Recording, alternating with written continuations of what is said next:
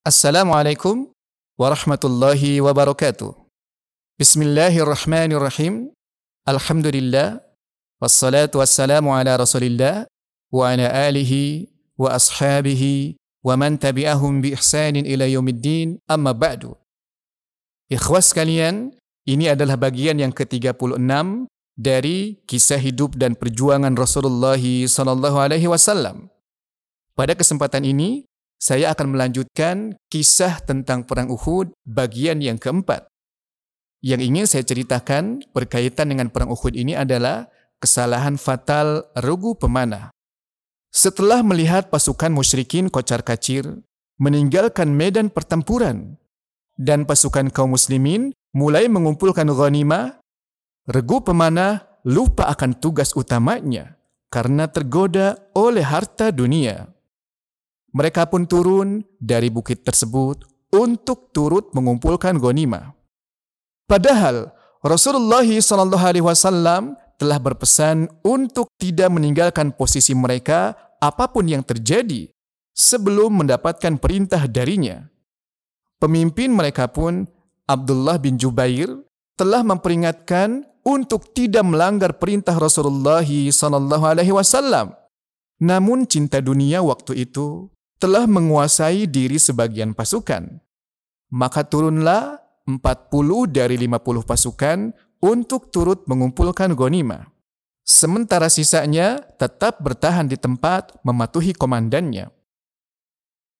Khalid bin Walid ketika menyaksikan kejadian tersebut segera berjalan memutar membawa sebagian pasukannya hingga berada di belakang pasukan kaum muslimin mereka segera menghabisi pasukan pemanah, yaitu Abdullah bin Jubair dan sahabat-sahabatnya.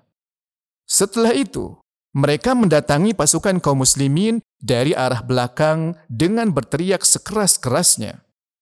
Mendengar suara tersebut, pasukan kaum musyrikin yang awalnya terdesak dan jatuh mental menjadi bangkit lagi semangatnya. Bendera kaum musyrikin segera diambil dan diangkat Lalu mereka balik menyerbu kaum muslimin. Kini, pasukan kaum muslimin terkepung dari arah belakang dan juga dari arah depan. Tidak ada pasukan pemanah yang melindungi mereka. Pasukan kaum muslimin akhirnya kacau balau. Banyak di antara mereka yang terdesak, lari ke bukit-bukit, ada juga yang pulang ke Madinah. Saat itu, Rasulullah SAW dikelilingi oleh sekelompok kecil pasukan kaum muslimin yang berjumlah sembilan orang sahabat di barisan belakang pasukan kaum muslimin. Melihat pasukannya terdesak, Rasulullah Sallallahu Alaihi Wasallam segera berteriak kepada mereka, Wahai hamba-hamba Allah! Rasulullah Sallallahu Alaihi Wasallam tahu bahwa suaranya akan lebih dahulu didengar oleh orang-orang kafir sebelum kaum muslimin.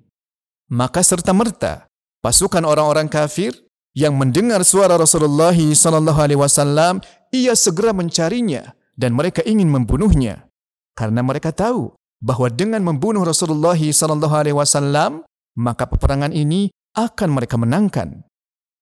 Saat itulah muncul isu di tengah-tengah kaum muslimin bahwa Rasulullah Shallallahu Alaihi Wasallam telah dibunuh. Hal itu membuat mental sebahagian sahabat jatuh. Ada di antara mereka yang sampai melempar pedangnya dan dia menyerah. Bahkan sebahagiannya berpikir untuk meminta perlindungan dari Abdullah bin Ubay, sang gembong munafik.